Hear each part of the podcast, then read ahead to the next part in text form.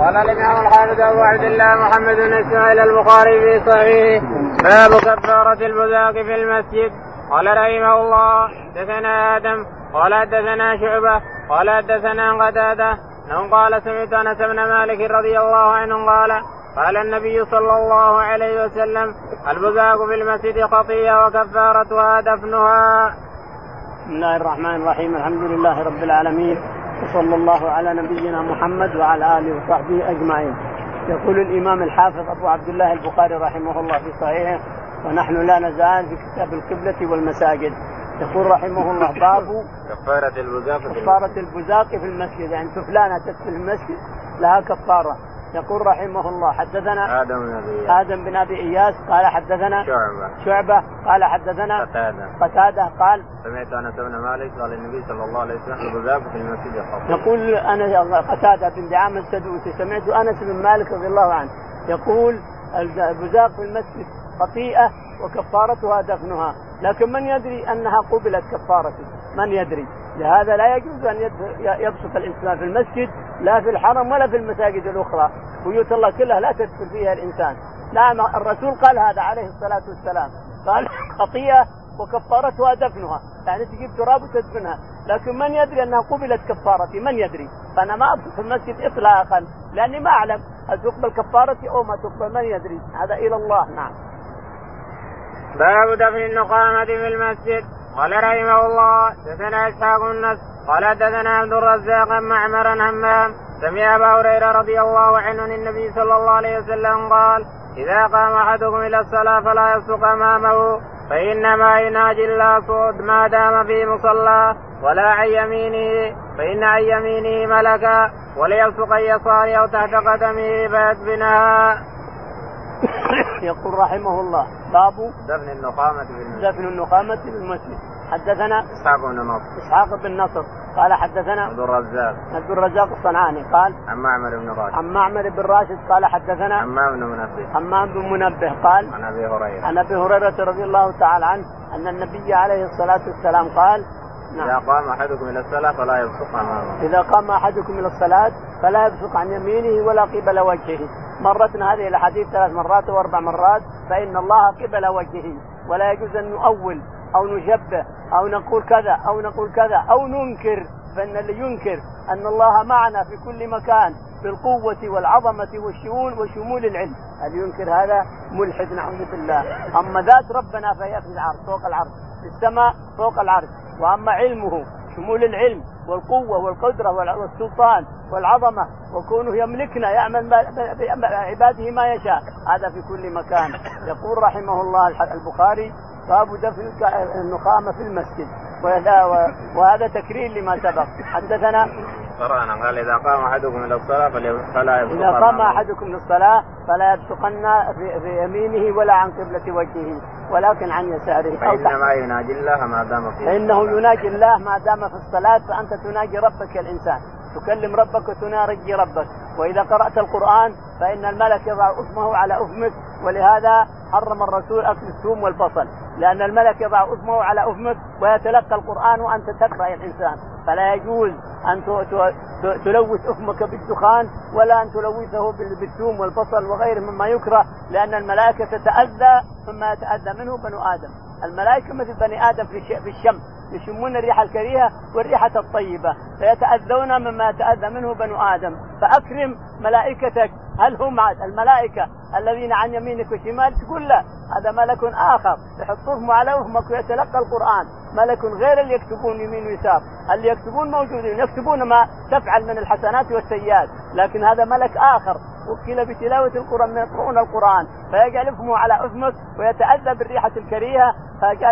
فإذا أردت أن تقرأ لا تبصق قدامك ولا عن يمينك ولكن تحت قدمك اليسرى أو عن يسارك. نعم. فإن ولا عن يمينه فإن عن يمينه ملكا وليبسط عن يساره. فإن عن يمينه ملك وعن يساره ملك هذول الحر الحراس. ثم الذي يلقى في القرآن عن قدامك؟ لا. لأن اللي يلقى في القرآن غير الاثنين اللي يحفظونك هؤلاء. نعم. باب إذا بدره البزاق فليأخذ بطرف ثوبه. قال رحمه الله دثنا مالك بن إسماعيل قال دثنا زهير قال دثنا حميد بن أنس رضي الله عنه أن النبي صلى الله عليه وسلم رأى نقامه بالقبلة فحكها بيده ورؤي منه كراهية أو رؤي كراهيته لذلك وشدته عليه وقال إن أحدكم إذا قام في في صلاته فإنما يناجي ربه أو ربه بينه وبين قبلته فلا يبزقن في قبلته ولكن عن يساره أو تحت قدمه ثم أخذ طرف ردائه فبزق فيه ورد بعضه على بعض قال أو يفعل هكذا. يقول البخاري رحمه الله باب باب إذا بدره البزاق فليأخذ إذا بدره البزاق ولا مناديل عنده فإنه يأخذ ظهر في ردائه ويبصق فيه ويحكه هكذا لأن البزاق طاهر.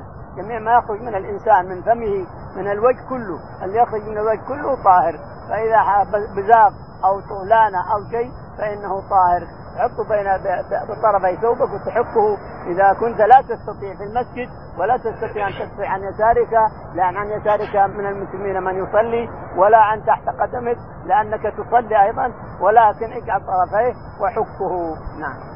قال حدثنا مالك بن إسماعيل. يقول حدثنا مالك قال حدثنا زهير بن معاوية. زهير بن معاوية قال قال حدثنا حميد الطويل. قال حدثنا حميد الطويل قال عن أنس بن مالك. عن أنس رضي الله تعالى عنه قال النبي صلى الله عليه وسلم رأى نقامه في القبلة أن النبي عليه الصلاة والسلام رأى نقامه في في جدار المسجد فغضب غضبا شديدا وحتى بيده عليه الصلاة والسلام. حتى النقامه أو الريق أو شيء من هذا في الجدار في المسجد حتى ثم قال من بزقه أو بدره هذا البساق أو النخام أو شيء من هذا فلا يدخل قبل وجهه.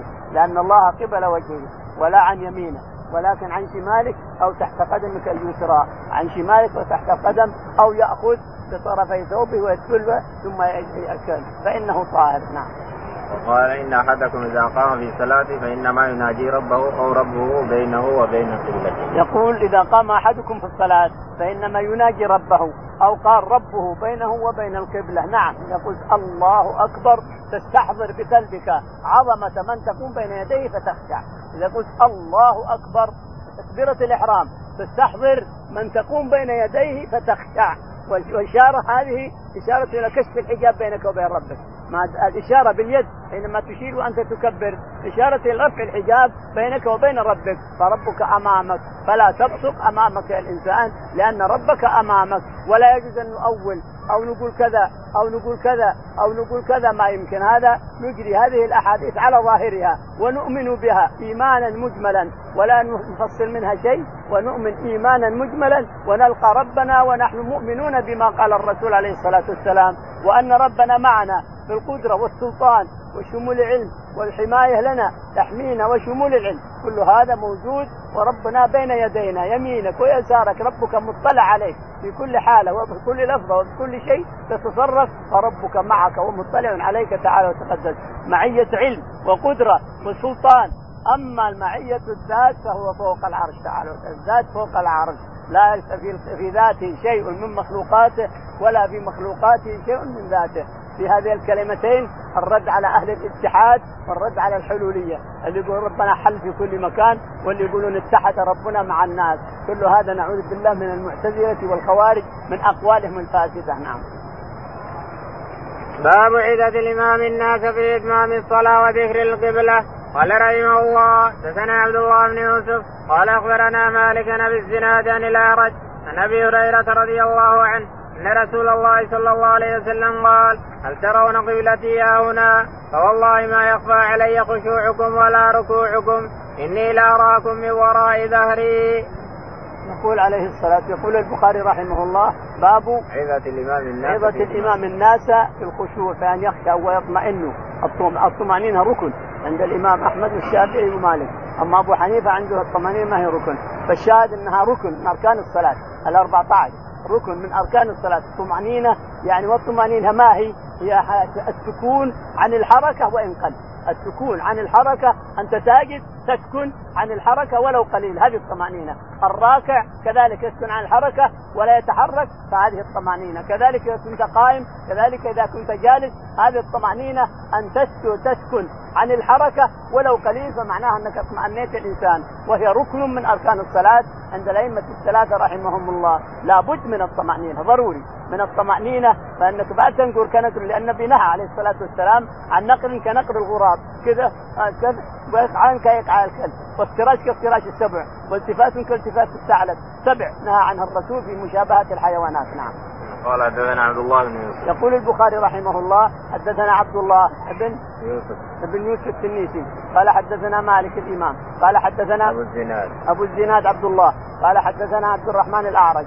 قال عن أبي هريرة. عن أبي هريرة رضي الله تعالى عنه أن النبي عليه الصلاة والسلام قال نعم. هل ترون قبلتي ها هنا فوالله ما يخفى علي خشوعكم. يقول تروني أنا مستقبل القبلة الآن ولكن حينما أكبر أصلي والله لا أراكم من ورائي كما أراكم قدامي كما أرى اللي معي أراكم قدامي يعني فاطمئنوا لاني أراكم تخففون القيام تخففون الصلاة تخففون كذا وإني أراك وهذا خاصة بالرسول هذه من خصائص عليه الصلاة والسلام. كونه يرى من وراءه كما يرى من قدامه من خصائص المصطفى عليه الصلاة والسلام. فالشاهد أنه يراهم يعني لا تس... يعني لازم تخشعون في الصلاة. هذا مقصوده. النصيحة لهم أن تخشعوا في الصلاة. لا تنقرها كنظر التراب ولا تلتفت الساق يتلفت ويصلي هنا يمنه ويسره سواء التفت بقلبه أو التفت ببدنه. لا تلتفت الإنسان ولا تقعق على الكلب. يجعل يديه قدام ورجليه قاعدا على على إليتيه. ولا تفترش تفرش يديك وانت تصلي. لازم من المجافات ترفعها الانسان عن الأرض. السبعة الأعضاء ترفعها عن الأرض قليلا. نعم. قال رحمه الله دثنا يحيى بن صالح قال دثنا فليح بن سليمان عن هلال بن علي عن أنس بن مالك رضي الله عنه قال صلى بنا النبي صلى الله عليه وسلم صلاة ثم رقي المنبر فقال في الصلاة وفي الركوع إني لأراكم من ورائي كما أراكم. يقول رحمه الله مكررا أو مؤكدا ما سبق. حدثنا يحيى بن صالح. يحيى بن صالح. بن فارس قال قال حدثنا فليح حدثنا فليح. قال حدثنا هلال بن علي. هلال بن علي قال عن أنس بن عن أنس رضي الله تعالى عنه أن النبي عليه الصلاة والسلام رقي المنبر وكان يصلي على المنبر وقال لما سلم إني أراكم من وراء ظهري كما أراكم من قدامي. يعني أرى اللي يلعب في صلاته. أما ينقر أو ما يطمئن أو يلتفت أو شيء ان أراكم من ورائي. يعني معناه أن أرى أن اللي ما خشع أراه واللي خاشع أراه. فالافضل أنك تكمل صلاتك بالخشوع لأن تكميل الصلاة الطمانينه فإذا ما اطمأنيت فهو ركن من أركان الصلاة. نعم. باب هل يقال مسجد بني فلان؟ قال رحمه الله دثنا عبد الله بن يوسف قال أخبرنا مالك النافع عن عبد الله بن عمر رضي الله عنهما أن رسول الله صلى الله عليه وسلم سابق بين الخيل التي أمرت من الخفياء وأمدها ثنية الوداع. وسابق بين الخيل التي لم تضمر من الثنية إلى مسجد بني زريق وأن عبد الله بن عمر كان في من سابق بها. يقول البخاري رحمه الله باب باب تسمية المسجد نعم. باب هل يقال مسجد بني فلان؟ هل يقال مسجد بني فلان مثلا؟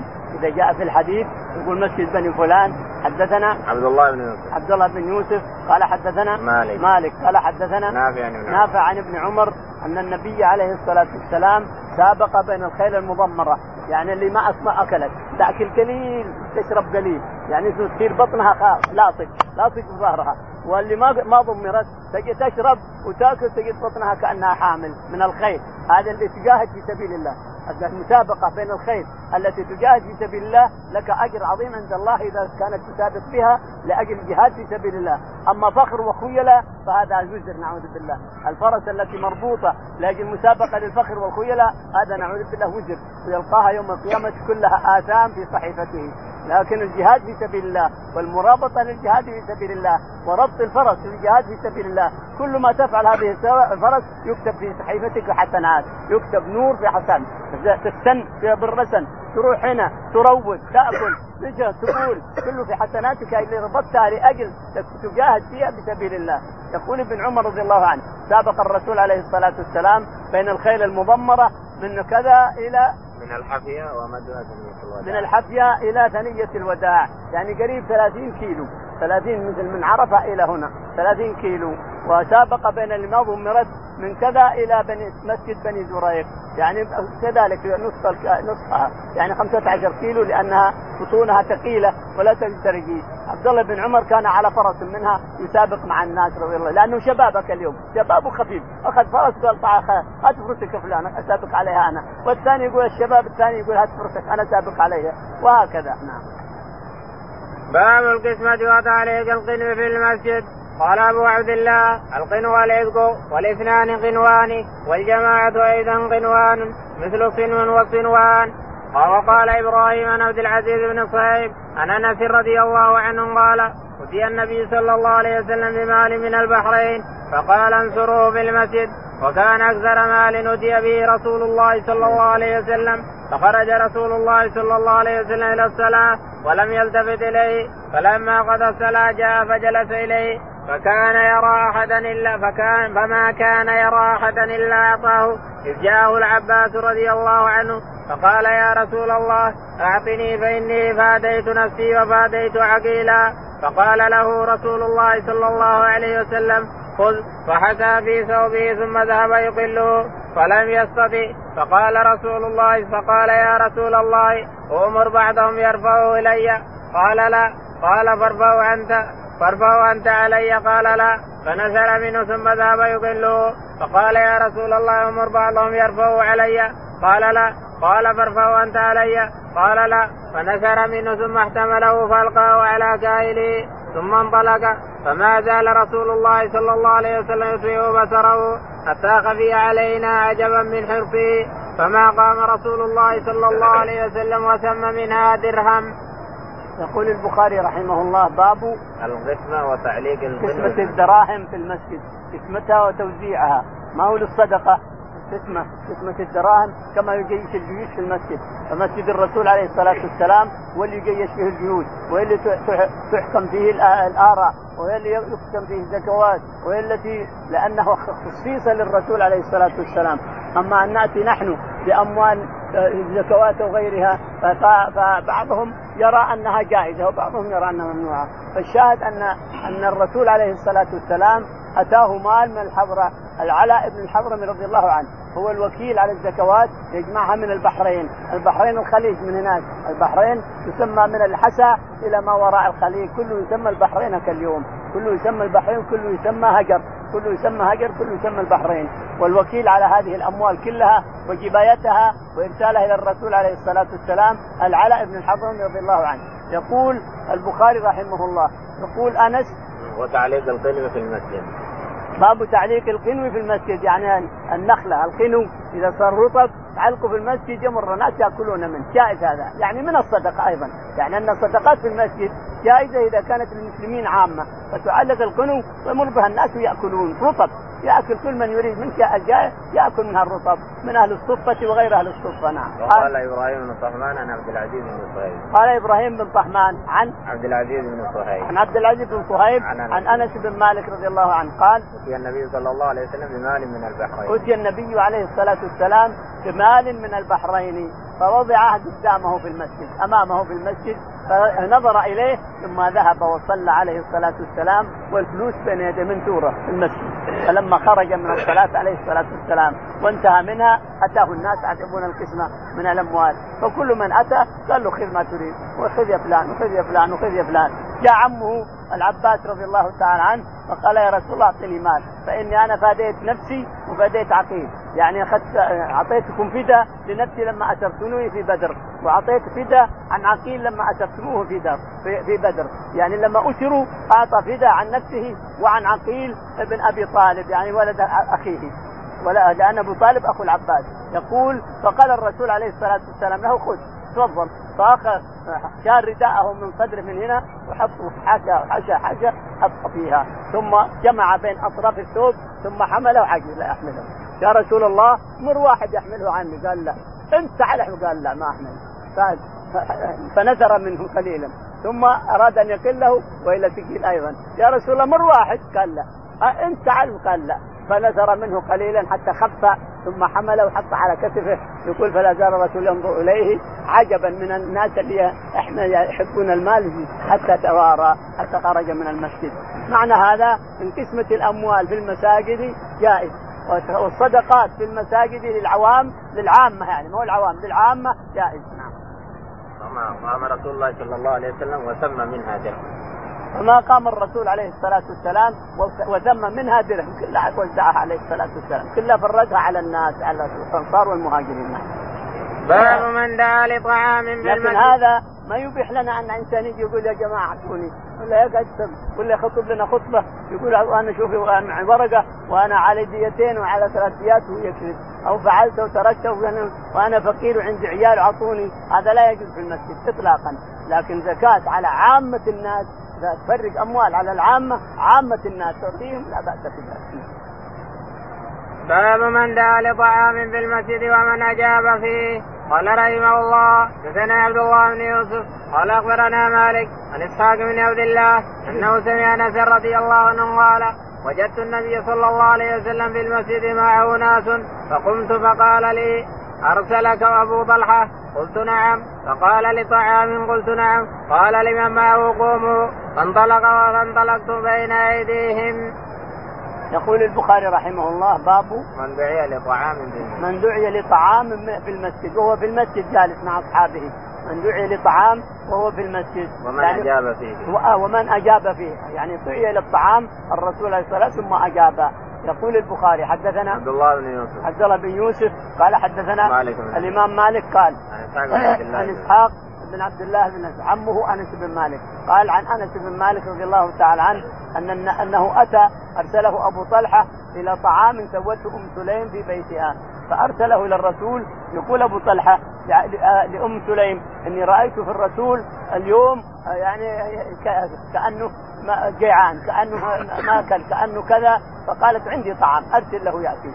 فذا جاء أنس رضي الله عنه فقال فقام على رأس الرسول. فقال ارسلك أبو طلحة؟ قال نعم. قال لي طعام قال نعم يا رسول الله. قال قوم اللي عنده حوالي 80 أو أكثر من الثمانين من الصحابة. أبو طلحة يبي اثنين ثلاثة وأم وأم سليم ما عندها. تقول اتركه هو أعلم هو أعلم وأبصر. اتركه يجيب يبي لما أقبل الناس قال يا أم سليم اتاك الرسول بأصحابه؟ قالت هو أعلم وأبصر. اتركه. فجاء الرسول مع من معه من المسجد قريب الثمانين أو أكثر من الثمانين. فطرق فدخلوا ندخل؟ قال نعم. فدخلوا جميعهم. فقدمت قال يا ام سليم أعطينا ما عندك. فصار عندها اقراص من الشعير وعكه من السمن فجاء عليه الصلاة والسلام وبرك على الاقراص وعلى السمن ثم قال عركيه فعركته ثم قال ادع عشرة. ادع عشرة فأكلوا ولما شبعوا خرجوا. ادع عشره ادع عشره ادع عشره ادع عشره حتى تكامل الثمانون والقصعة هي هي لم تنقص ما نقص شيء. أكلوا وشبعوا والقصعة هي هي. فترك لهم القصعة مملوءة كأنها لم يكن منها أحد عليه الصلاة والسلام. نعم. هذا ثاني أو ثالث تبريك للطعام. باب القضاء واللعان في المسجد بين الرجال والنساء قال رحمه الله دثنا يحيى قال أخبرنا عبد الرزاق قال أخبرنا ابن جريج قال أخبرني ابن شهاب عن سهل بن سعد رضي الله عنه أن رجلا قال يا رسول الله أرأيت رجلا وجد مع امراته رجلا يقتله فتلاعنا في المسجد وأنا شاهد. يقول البخاري رحمه الله باب القضاء في المسجد والتلاعن أيضا في المسجد. يعني الآن الناس حتى جعلوا محاكم خارج المسجد لكن لو حصل في المسجد جاز المسجد لو أنها أقسم هو أقسم على نفسه في المسجد بعد العصر وأقسمت هي على نفسها في المسجد بعد العصر كان أقوى وأحسن. لكن إذا صار في المحكمه وتلاعنوا في المحكمة فلا علينا منهم. فالشاهد يقول التلاعن في المسجد جائز. يقول حدثنا. يحيى بن موسى. يحيى بن موسى قال حدثنا. عبد الرزاق. عبد الرزاق قال حدثنا. ابن جريج. نعم عبد الملك بن جريج قال. قال أخبرني ابن شهاب. قال أخبرني ابن شهاب الزهري. قال. نعم. قال. عن سهل بن سعد الساعدي. عن سهل بن سعد الساعدي. عن سلمة بن دينار. قال. سهل بن سعد. سهل الصحابي رضي الله عنه. قال. أن رجلا قال يا رسول الله رأيت رجلا معه. أن رجلا هو من أصحاب سعد بن عبادة رضي الله تعالى عنه. أو وكل سعد بن عبادة. قال اذهب فاسأل لي رسول الله عليه الصلاة والسلام عن كذا وكذا. فذهب وسأل الرسول وأتاه لأنه رئيس رئيس الأنصار رئيس الخزرج فأتاه قال إني ما كره اني رأيت الرسول كره ما هذه المسألة. ما احب أني قلتها له. فذهب قال والله لا أقولنها له. وذهب وقال الرسول قال اذهب فأتي بامرأتك فقد نزل فيكم قرآنا. فأتى بامراته في المسجد والصحابة مجتمعين المهاجرون والأنصار.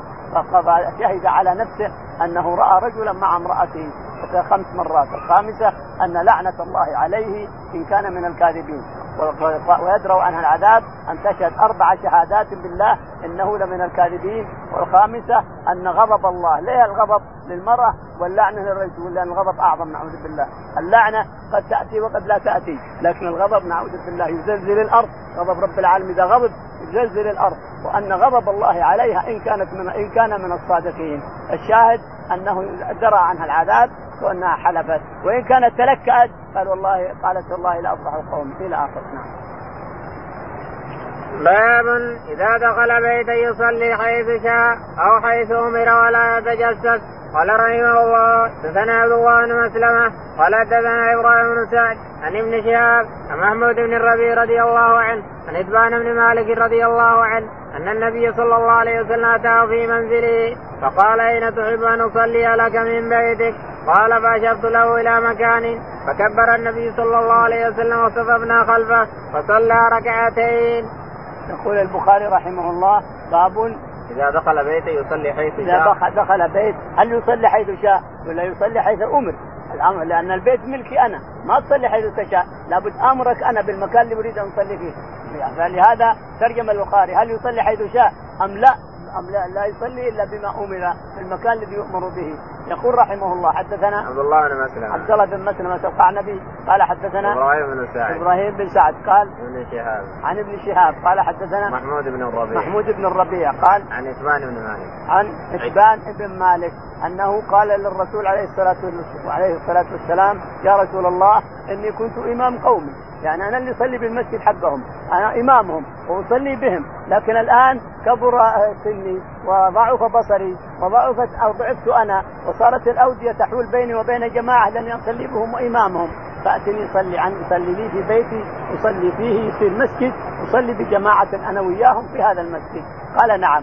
أو قال سأتيك إن شاء الله. فلما تضاح النهار أتى عليه الصلاة والسلام ومعه بعض أصحابه. فلما دخل قال أين تريد أن تصلي لاحظ. أين تريد؟ هذا شاهد الباب. هل تصلي بما حيث تريد أم تصلي بما يأمرك صاحب البيت؟ قال أين تريد أن أصلي لك يا عتبان؟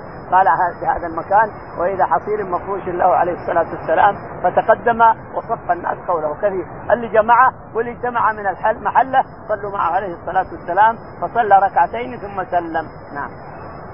سياتي أنه حبسه على حريته أو خريجه سيأتي نعم.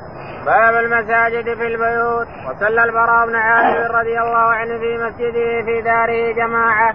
قال رحمه الله دثنا سعيد بن عفير. قال حدثنا الليث. قال حدثني عقيل بن ابن شهاب. قال أخبرني محمود بن الربيع الأنصاري أن ادبان بن مالك رضي الله عنه وهو من أصحاب رسول الله صلى الله عليه وسلم ممن شهد بدرا من الأنصار.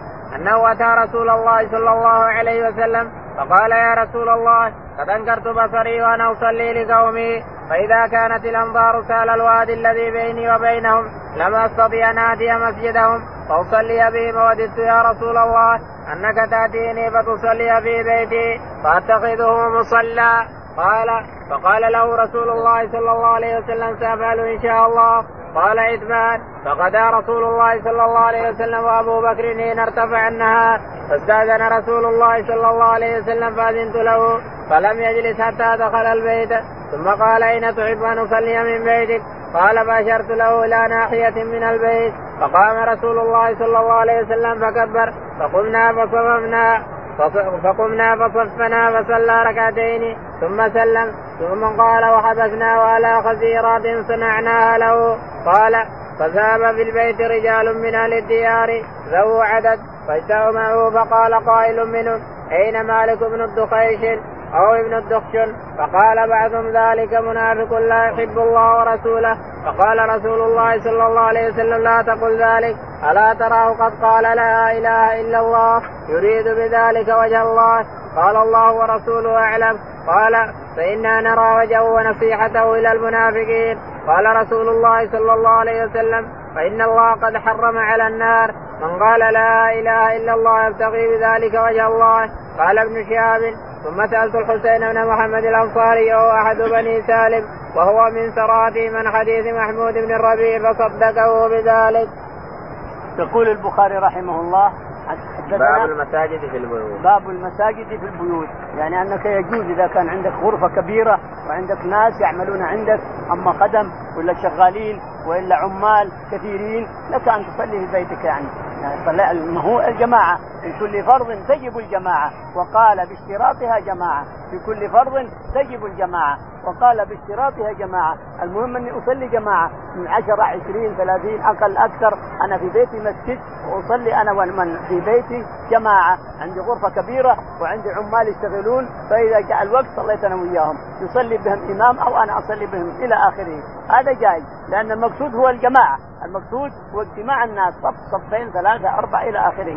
حتى في بيتك الإنسان. يقول البخاري رحمه الله. البراء بن عازب في مسجده في داره جماعة. وكان البراء بن عازب رضي الله عنه في مسجده مسجد في بيته مسجد يصلي فيه ومن حوله من الإنسان اللي أغناه الله وصار عنده بيت وصار عنده حوش كبير في إمكانك تجعل نصف الحوش مسجد تجعل باب في الخارج وباب من عندك وتسمح للناس يصلون فيه وتجعل إذا أغناك الله إمام على حسابك ومؤذن على حسابك وتفرش المسجد وتجعل فيه جمعة وجماعة. هذا من أكبر الحسنات نسأل الله نعم. قال حدثنا سعيد بن عفير. يقول البخاري حدثنا سعيد بن عفير قال حدثنا الليث بن سعد. الليث بن سعد قال حدثنا عقيل بن خالد. عقيل بن خالد قال عن ابن شهاب. عن ابن شهاب الزهري. قال؟ قال أخبرني محمود بن الربيع. قال خرجت أخبرني محمود بن أخبرني محمود بن الربيع.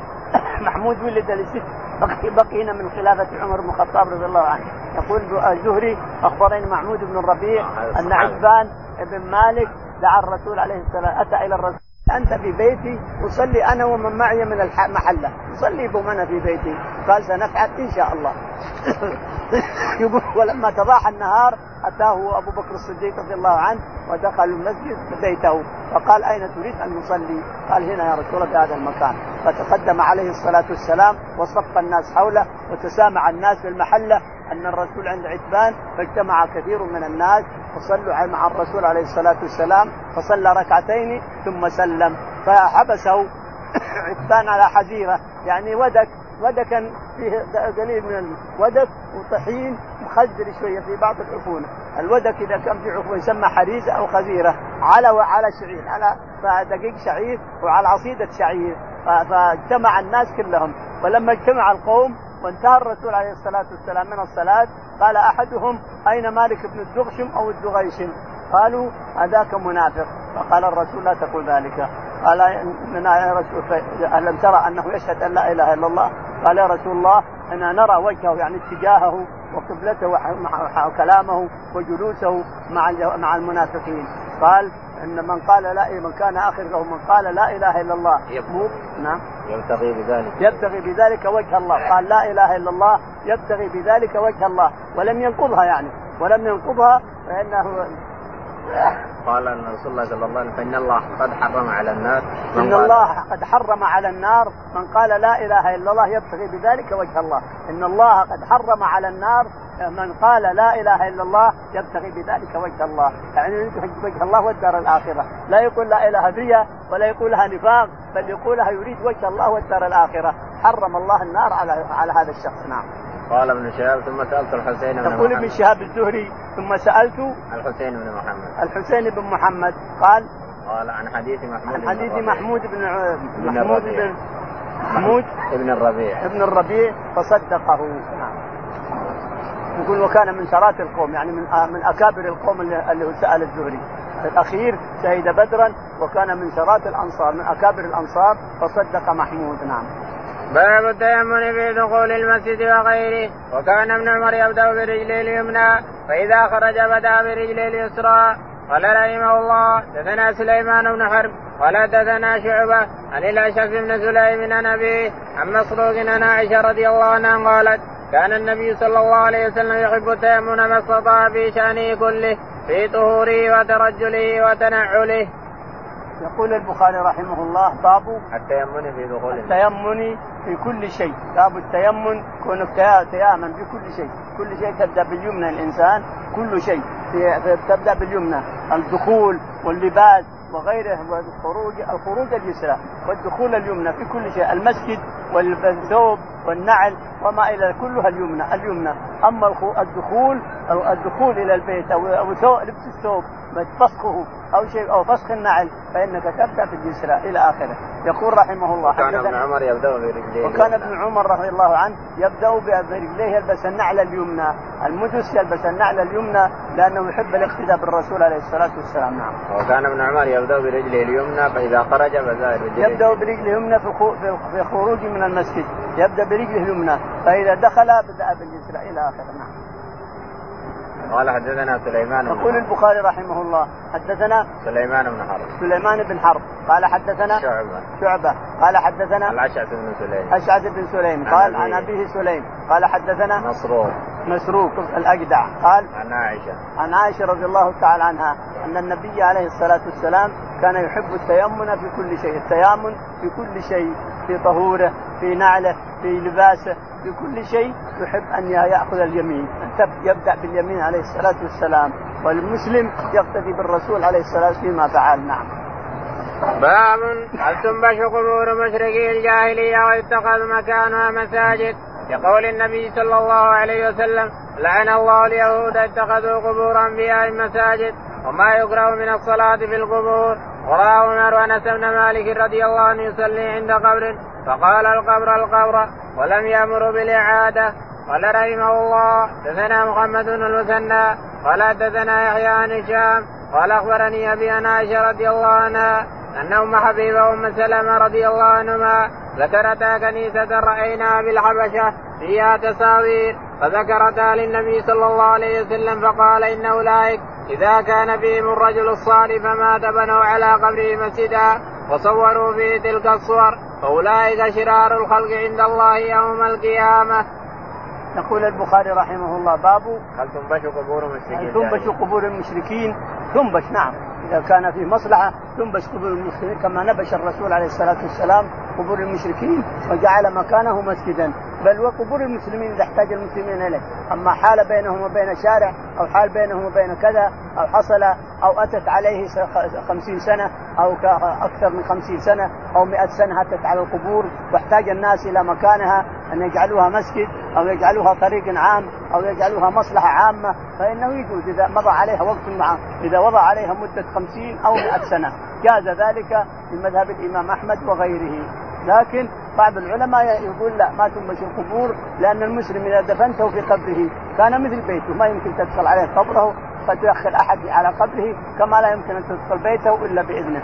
القبر هو حصن المسلم، نعم صح هذا اللي يدفن ميته في مقبرة. ما يمكن تنبش ولا يحتاج الناس إليها فهو لا يمكن أن تأتيه الإنسان أو تخرجه من قبره في آخر إلا إذا كان في حاجة مثل مثل البقيع في المدينة ومثل المعلات في مكة، المعلات في مكة يحتاجون الناس إلى يخرجوا الإنسان بعد ثلاثة شهور ويدخلوا غيره، كذلك في البقيع يحتاجون يدخلوا يخرجوا اللي مضى عليه ثلاثة شهور يدخلوا غيره للحاجة لأنهم مضطرين إلى ذلك، مع إنهم لو خرجوا إلى الصحراء أفضل، لو خرجوا إلى الصحاري في أمواتهم ودفنوها في أمواتهم كل واحد على حده كان أفضل لأن الصحراء قريب، السيارات اليوم قربت القريب البعيد، السيارات اليوم قربت البعيد، أخرج الإنسان للبر وادفن ميتك في البر. فلا مانع لذلك نعم، قال قول النبي صلى الله عليه وسلم لعن الله اليهود اتخذوا قبور انبيائهم. وقول النبي عليه الصلاة والسلام لعن الله اليهود اتخذوا قبور أنبيائهم مساجد يحذروا ما صنعوا، الآن نعوذ بالله كثير من البلاد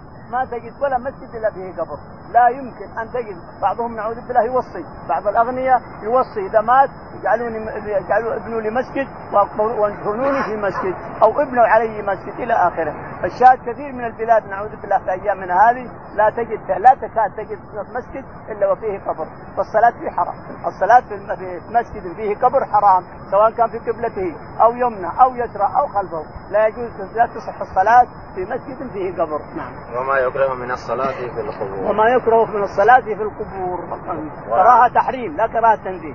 هنا يكره يعني يحرم الصلاة على القبور نعم.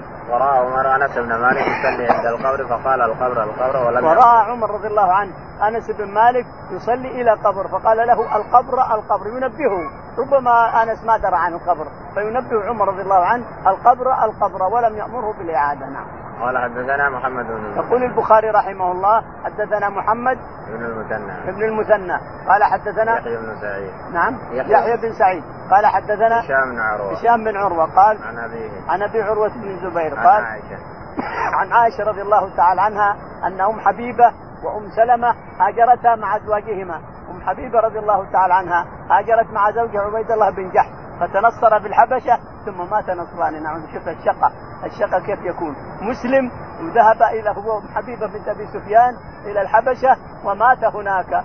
فجلست رضي الله عنها وأرضاها. هي بنيتها شريده وحيدة ما عندها أحد في الحبشة. ما ح- وحيدة غريبة شريدة وجاء الفرج من الله تعالى وتقدس بصفوة الخلق.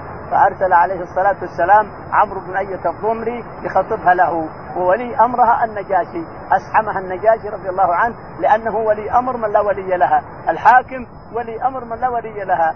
فزوجها النجاشي على الرسول عليه الصلاة والسلام هو ولي أمرها. وقبل النكاح للرسول عليه الصلاة والسلام عمرو بن أي بن أمية الضمري وأصدقها النجاشي 500 دينار ذهب.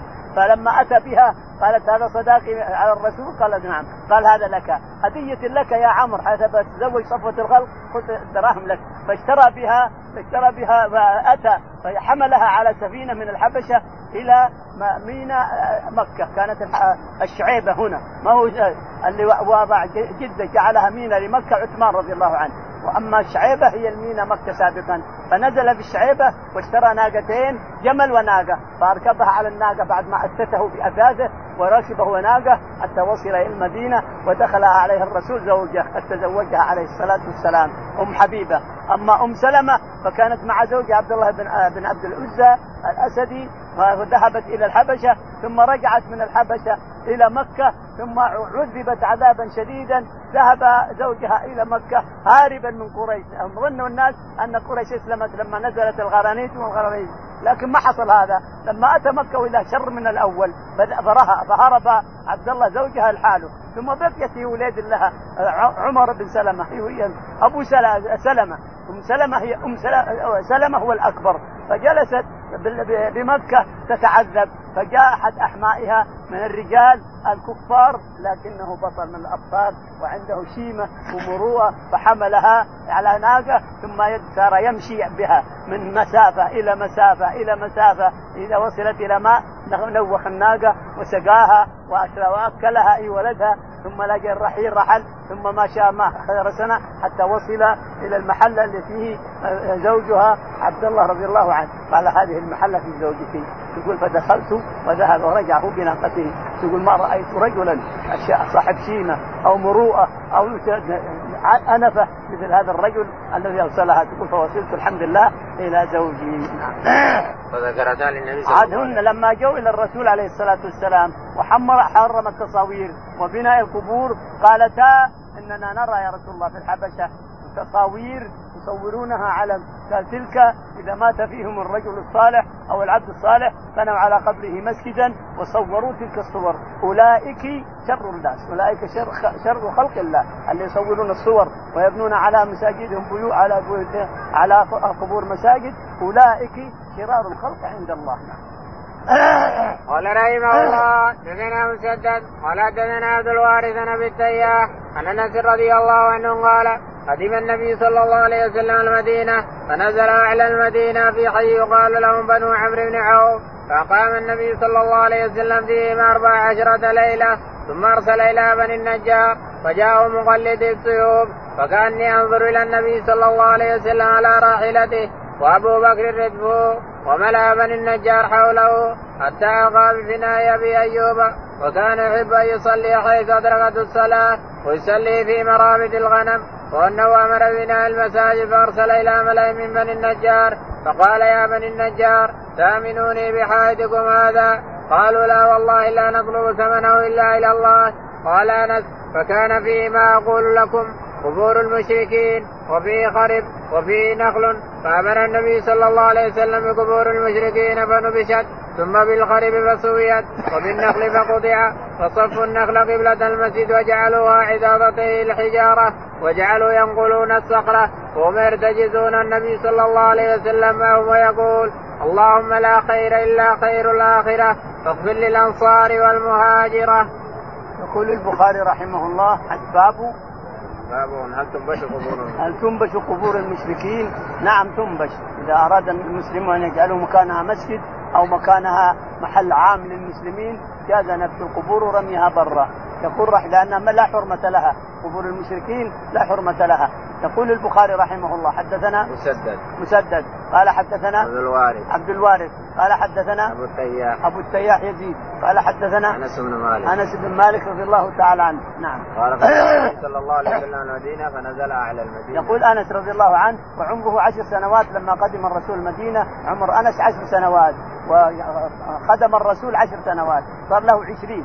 لما مات الرسول وعمر أنس عشرين سنة رضي الله عنه ودعا له الرسول بالبركه في المال والولد والعمر. لاحظ دعا الرسول لأنس في المال بالبركة في المال وفي العمر وفي الولد. حتى صار له 140 ولد يصلون ثلاث جمع أولاد أولاد أنس. يعني ولد ولد ولد يصلون أربع جمع كل جمعة 40 نفر.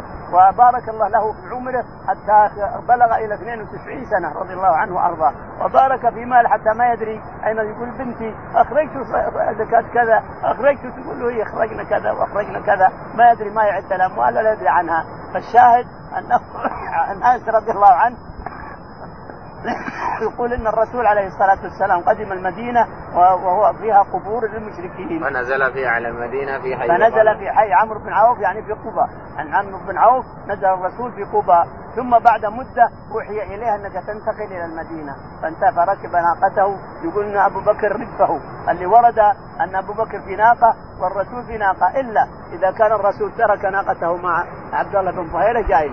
يقول إن الرسول مشى في ناقته وابو بكر رديفا له فجاء عليه الصلاة والسلام يمشي والأنصار يتلقونه بسيوفهم إلينا يا رسول الله إلى العدد والعدة والمنعة. إلينا يا رسول الله. قال دعوها فإنها مأمورة فتمشي الناقة على طريق ثم تأتيه القبيلة الأخرى من الأنصار رضي الله عنهم. إلينا يا رسول الله إلى العدد والعدة والمنعه إلينا يدون سيوفهم. قال اتركوها فإنها مأمورة. فتمشي الناقة تمشي تمشي حتى وصلت إلى محل هناك عند بيت أبو أيوب الأنصار رضي الله عنه النجاري فبركت ثم نهضت ثم ذهبت هناك ثم رعقها وبركت في مكانها اللي بركت فيه الأول ثم حطت رقبتها في الأرض الخلاص ثم نزل عليه الصلاة والسلام فأتى أبو أيوب وأخذ عفش الرسول كل محلاته وجعله في بيته فسكن الرسول في بيت أبي أيوب حتى بنى مساجده ووجد هناك مسجد يا بني النجار قال تعال يا بني النجار ثامنوني يعني بيعوني مسجدكم. قال لا والله لا نريد إلا وجه الله. فهذا ما كان في خرب خربات يعني بيوت خربة وكان فيه نخل قديم وكان فيه قبور. فنبش القبور عليه الصلاة والسلام وابعدها وقطع النخل وجعله قبلة عباده في ثم صاروا ينقلون الحجارة من بعيد ويأتون يصفون الحجارة مع النخل حتى صار الجدار للمسجد ذلك اليوم يصلون يصلي فيه عليه الصلاة والسلام. نعم. وجعلوا عبادتين الحجاره. الحجارة العبادتين يعني أركان المسجد حجارة هنا حجارة وهنا حجارة والنخل تعبدها. يحط نخل بعضه على بعض. جذوع النخل بعضه على بعض والركن هنا حجارة والركن هنا حجارة. عليه الصلاة والسلام. عليه الصلاة أكن الناس عن الشمس أكن الناس عن الشمس والمطر. ولا تحمر ولا تصفر لا تحمر المساجد ولا تصفر تلهي الناس عن الصلاة.